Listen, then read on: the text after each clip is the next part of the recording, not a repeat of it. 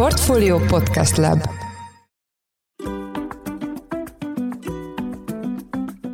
Magyarországon az energia, az energia előállítás igen forró téma, legyen szó a napenergia terjedéséről, atomenergiáról, vagy éppen gázról és annak beszerzéséről.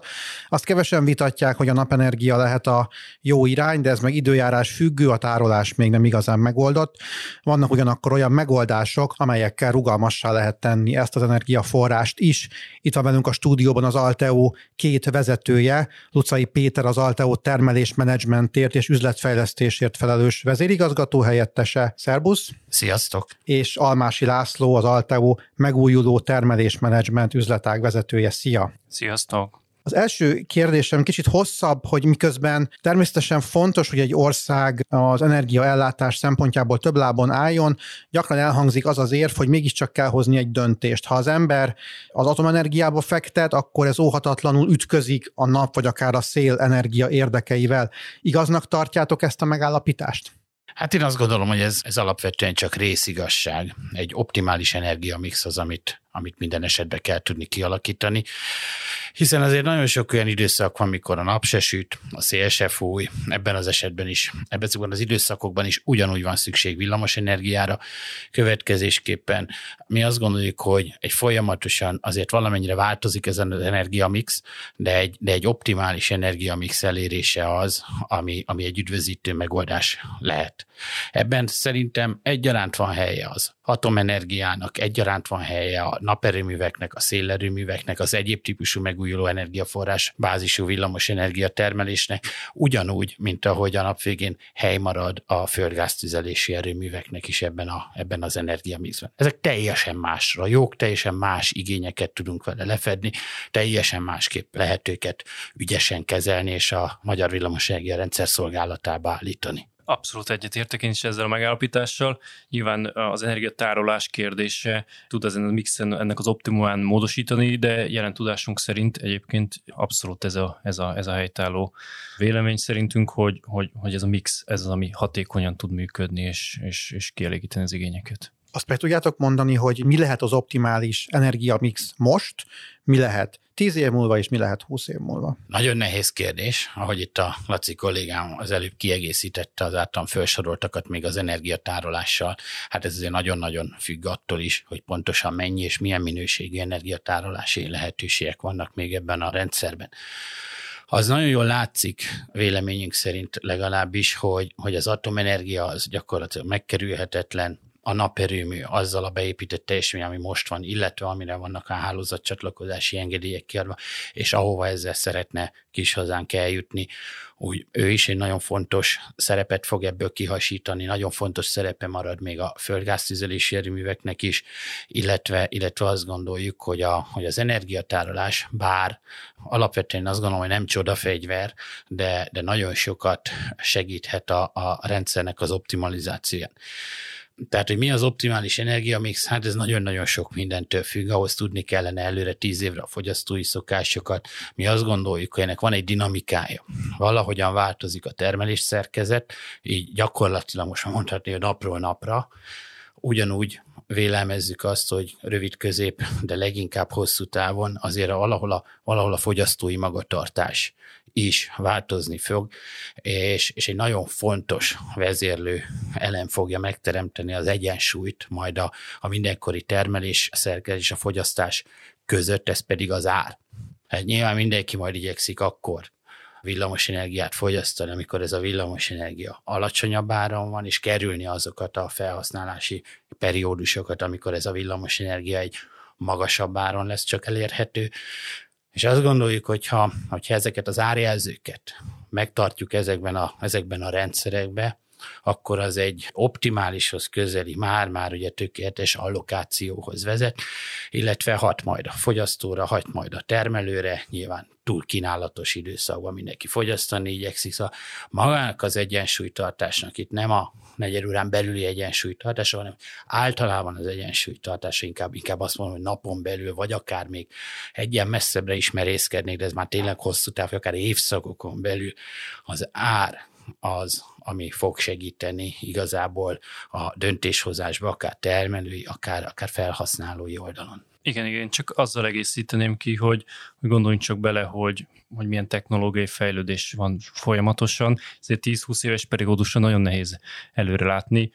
Egy jó példa, ami szerintem nagyon szemléletes, és mindenki találkozik vele, mondjuk az elektromos autózás, az e-mobilitás kérdése. Nagyon sokaknak van ma már villanyautója, és ez ugye egy tároló is önmagába plusz ugye napelemmel kombinálva nagyon sok aktív befolyásolója van már a, a villamosenergia rendszernek, akár tudtukon kívül. Jellemzően elmondhatjuk Magyarországon, ez nem egy tudatos beavatkozás a részükről, viszont ebbe az irányba lehet majd tolni, lehet majd mozogni, hogy egyre inkább ezeket a fogyasztó termelő hívjuk egyébként lakossági entitásokat, is bevisszük a villamosenergia rendszerbe valamilyen módon, így ők is még aktívabban, még tudatosabban tudják azt befolyásolni, és hogy a Péter is említette, nyilván az ár függvényében ő is tud döntéseket hozni. Most tölti az aksiát, adott esetben még kifelé is táplálhat a hálózatba a villanyautójából, úgyhogy ez egy borzasztó érdekes és dinamikus időszak lesz ez a 10-20 éves időtáv. Arról tudtak esetleg mesélni, hogy ha már napenergiáról van szó, hogy mik a magyar speciális meteorológiai tényezők, amiket figyelembe kell venni? Hát vannak speciális meteorológiai tényezők, nyilván Kárpát-medence klímája, földrajzi elhelyezkedése azért sok tekintetben eléggé különlegessé teszi itt az időjárást. Nyilván erről meteorológusok tudnák nagyon sokat nyilatkozni, de, de látszik, hogy különböző időjárási képek talán még turbulensebbek is tudnak lenni sokszor, mint a, mint a környező országokban. Igen, én erre volt csinálni, mindig azt szoktam mondani, hogy hogy általában offshore szélturbinákat, Így van. és a Szaharában naperőművet, tehát azt nagyon szívesen menetrendezünk, nagyon szívesen adunk rá bármilyen prognózist, hogy első ránézésre sem tűnik túl szofisztikált feladatnak. Azért itt ezen az éghajton így, ez a Kárpát-medence, ez azért némi nemű kihívást azért, azért jelent számunkra, amivel persze küzdünk és folyamatosan fejlesztünk, tehát napról napra igyekszünk egy picit jobbnak lenni, irgalmatlan fejlődési potenciál van benne, tehát látjuk, hogy hova lehet körülbelül ezzel eljutni. Nem járunk ott, de fogunk ott járni. Én azt akartam még hozzátenni, szerintem ennél is fontosabb kiemelni Magyarország speciális helyzete, úgymond, amit magának teremt és, és, és alakít ki, hogy, hogy a beépített kapacitások tekintetében viszont kiemelkedően magas ma már Magyarországon a naperőműveknek elsősorban a beépített kapacitásban képviselt aránya. Tehát úgy kell elképzelni tényleg, talán már nálatok is lehetett olvasni, hogy egy, egy szombat-vasárnapi napon, jellemzően hétvégén, amikor alacsonyabb a villamosenergia rendszerben az igény, akkor a paksi atomlő és a naperőművek nem is az, hogy elérik, hanem, hanem meg is haladják talán az ország fogyasztását abban a pillanatban. Nyilván kereskedelmi tényezők bejátszanak, tehát valójában mennek azért gázerőművek, egyéb erőművek is, de azok nem mennének is, lennének olyan hosszabb, rövidebb időszakok csak, nyilván napközben, amikor az ország ilyen szempontból csak belföldi forrásból tudja megoldani a villamosenergia termelését, és egy nagyon fontos eredője van ennek, hogy viszont a kitettség is ezzel arányosan nő. Tehát nyilván ennek megfelelően az időjárásnak is jobban ki vagyunk téve az egész rendszert nézve, a rendszer egyensúlyt tekintve, mint, mint akár egy ország, ahol kisebb ez az arány. Egy, egy váratlan felhősödés, egy, egy gomoly képződés, egy frontnak egy későbbi, hamarabbi átfonulás, amit nem tudnak esetleg a meteorológiával, vagy nem tudunk kellően jól megfogni, az nagyon meg tudja mozgatni a rendszert, és, és, és még nagyobb ezáltal egyébként a, a, a flexibilitásra való igény, mint egy nagyobb, robosztusabb, tényleg egy olyan országból van offshore szél, délen mondjuk van valami vízerőmű, nekünk alapvetően nincsenek ilyen eszközeink, és, és jobban ki vagyunk téve egy kicsit ezeknek a tényezőknek ezáltal. Azt akkor megbeszéltük, hogy a tárolás nem igazán kiforrott. Milyen megoldások létezhetnek a napenergia kiszámíthatatlanságának a kezelésére? Ugye a legelső és talán legfontosabb itt elmondani, ugye, hogy itt gyakorlatilag a napenergia esetén is ugye még csak nem is napi, hanem ennél sokkal finomabb felbontású előrejelzéseket és, és termelési prognózisokat kell adni a villamosenergrendszerbe. Ugye itt minden másodpercben meg kell, hogy egyezzen a fogyasztás, termelés, tárolásra kiegészített egyensúlyának, és ez egy hatalmas kihívás. Az egyik legalapvetőbb dolog, hogy a meteorológiai előrejelzéseinket pontosítsuk, minél hatékonyabban, minél jobban tudják előrejelezni, rövid távon, és nyilván minél hosszabb távon ez, ezek pontosanak az borzasztó jó, de azért azt is látni, hogy gyakorlatilag itt a világ legbonyolultabb mondhatni matematikai modelljeiről beszélünk, amikor az időjárás próbáljuk előrejelezni, úgyhogy ez egy, ez egy nagy fejlődési terület, és, és elég, elég hangsúlyos, és hát azon kívül nyilván például az a megoldás, amit mi is alkalmaztunk, hogy, hogy ezeket a naperőműveket egy adott úgynevezett szabályozási központba tömörítjük, egybe fogjuk őket egy ilyen műszaki IT megoldással, és ezzel gyakorlatilag a saját pontatlanságai kiszabályozására is lehetőség nyílik, illetve ezen kívül akár többlet, rugalmasságot, flexibilitást tudnak a rendszer számára nyújtani. Csak a kérdés, hogy hogy kell ezt technikailag elképzelni? Hát, ezt úgy lehet elképzelni, hogy a naperőművek alapvetően, de ugyanez igaz egyébként egy picit a szélturbinákra és a, és a, és a földgáztüzelési erőművekre is, ezek relatíve jól szabályozható egységek de az inverterek, amiken keresztül a naperőművek a hálózatra csatlakoznak, azok viszont közelvalós időben folytonosan, egész nagy tartományba, bitangerős reakcióidővel képesek termelési parancsokat végrehajtani. Azaz tudjuk azt nyilván a mindenkori nap sugárzás függvényében, tehát ugye azt nehéz mondani, hogy termeljen többet, mint amennyi nap süt, ugye, de az, hogy lefele irányba ezek, ezek nagyon gyorsan és nagyon pontosan, gyakorlatilag precíziós módon szabályozhatóak. Na most, azt azt csináltuk, így első körbe, hogy ebből összeszedtünk most így első körbe egy olyan 160 megawattnyit, erre fölépítettünk egy szabályozást, ami a rendszerirányítótól közvetlenül fogad termelésparancsot, és egy belső load dispatch eljárással gyakorlatilag ezt leosztja a, ebbe a szabályozási központban résztvevő naperőművek között. Ezt a szabályozási központot ezt bővíteni fogjuk. Hát a többszörösére lesz bővítve, hát szabad a, a fura kifejezéssel élni, többszörösére fogjuk hízlalni az elkövetkezendő néhány hónapban. Ami nagyon fontos, az, hogy most az nagyon jól látszik, hogy ez, hogy ez működik, ezt tudjuk föntartani a kapcsolatot szépen a rendszertől, végre tudjuk hajtani a termelésparancsot, és, és gyakorlatilag egy hasznos tagjának tudjuk ezt a szabályozási központot a, a magyar villamosenergia rendszernek. Azt tudjátok számszerűsíteni, hogy egy ilyen rendszer milyen energiaspórolást eredményezhet? Hú, ez nagyon jó kérdés. Alapvetően a spórolásról így egy picit hagyálnyalja ezt a kérdést, hogy mire válaszolok. Az, hogy mit spórolunk, hogy hát ez, ez ugye mérhető anyagiakban, mérhető villamosenergia felhasználóra, több dimenzióban is vizsgálható a dolog. Egy dolog biztos, hogyha ezek a naperőművek akár a saját maguk által okozott egyensúlytalanságokat, tehát amikor ugye nem sikerült pontosan prognosztizálni ezeknek a termelését, akár egyébként a magyar villamosrendszerben ezek nélkül is fennálló pontatlanságokat egyébként ki tudják szabályozni, illetve a kiszabályozáshoz érdemben hozzá tudnak járulni, azzal azt gondoljuk, hogy sokkal szebb munkaponton, egy sokkal optimálisabb, megint egy fura kifejezés, de, de egy, de egy sokkal szebb munkaponton fog tudni ez a rendszer üzemelni. Tehát inkább, inkább itt látjuk ennek a, ennek a hasznát. Igen, én annyit tennék hozzá, hogy, hogy alapvetően furcsa dolognak hangzik, ugye, hogy, hogy naperőmeket lefelé szabályozunk, ugye, hogy az, az, az, azt szeretjük, azok mennek, és ez így van, mi is azt szeretjük, azok termelnek, amennyit csak tudnak, nyilván káros kibocsátás minden szempontjából az egy előnyös dolog, de a rendszer befogadó képessége nem biztos, hogy végtelen ezekből ilyen formába. Viszont ha tudunk rugalmasságot biztosítani ezzel, akkor viszont ez, ez, ez kinő ez az ablak, és sokkal több megújulót fog tudni összességében befogadni a rendszer, és ez egy nagyon fontos aspektus ennek a, a kérdésnek szerintem, hogy, hogy azzal, hogy mi picit mozgatjuk ezeket adott esetben, összességében sokkal többet tud befogadni a rendszer, és az össztermelés, az össz, össz megújuló időjárás függő termelés, az viszont nőhet is ennek a lehetőség, ez így kitárul egy picit. Illetve még egy apróság, ami nem is biztos, annyira apróság, hogy ezt a szabályozást, amire mondjuk ez a szabályozási csoport ez, ez képes, ezt eddig földgáztüzelési erőművek látták el túlnyomó részt. Nehéz azt még, túl fiatal még ez a szabályozási központ ahhoz, és túl kevés is van belőle kis hazánkban, hogy, hogy most messze menő következtetéseket vonjunk le. De azért az irány, Inkább, inkább az, hogy ez némi nemileg vissza fogja szorítani majd bizonyos időszakokban. Nyilván, amikor süt a nap, csak akkor, meg mikor fúj a szél, csak azokban az időszakokban tudunk erről beszélni. Azokat a földgáztüzelési erőműveket, amik ma azért mennek, azért működnek, azért, azért forognak azok a gépek, hogy tartalékot biztosítsanak a rendszer számára. Hogyha ezeket tudjuk egy picit redukálni, akkor nyilván a földgáz felhasználás is valamelyest csökkenni fog. Azt említetted, hogy az, ugye most az Alteo is ezt nagyban próbálja ki, de vajon ez a megoldás, ez alkalmazható-e akár egy háztartásra, vagy itt ezt, ezt teljesen más irányban kell gondolkozni, és inkább egy nagy szolgáltató felől kell ezt megközelíteni? Én azt gondolom, hogy, hogy, ez, hogy ez majdnem, hogy elkerülhetetlen. Tehát előbb-utóbb a háztartások is véletlenül valami hasonló egységekbe fognak integrálódni. Az, hogy ez pontosan mikor fog ez elkezdeni, milyen mértékben, az egy, az egy másik kérdés. Megmondom, hogy miért gondolom. A rugalmasságra, többféle rugalmasságra van egyszerre igény.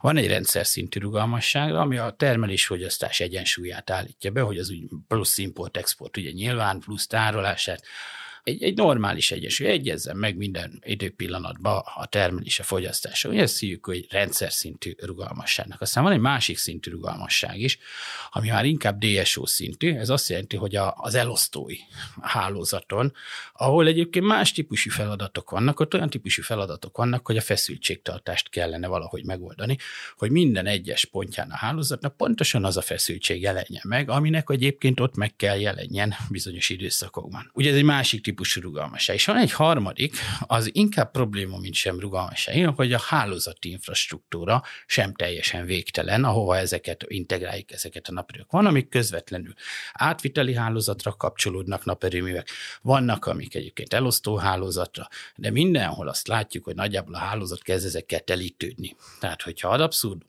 bizonyos időszakokban, amikor egyébként úgy is nagy lenne a termés, vissza tudjuk fogni, akkor az azt jelenti, hogy ez csak napi néhány órát jelenthet, hogy a többi időszakban, amikor ez a korlát úgymond hálózat aspektusból nem áll fönn, akkor több naperőművet, vagy több időjárás függő megújulót lehet ebbe a, ebbe a históriába úgymond beengedni. Jó, hogy ezt felhoztad, mert szerettem is volna megkérdezni, hogy szerintetek hol van a gátja a magyar elektromos hálózatnak jelenleg most 2023-ban? Én azt gondolom, hogy a legmarkánsabb ebből talán a hálózatos infrastruktúra, hogy talán azért erre pont így nem állt készen.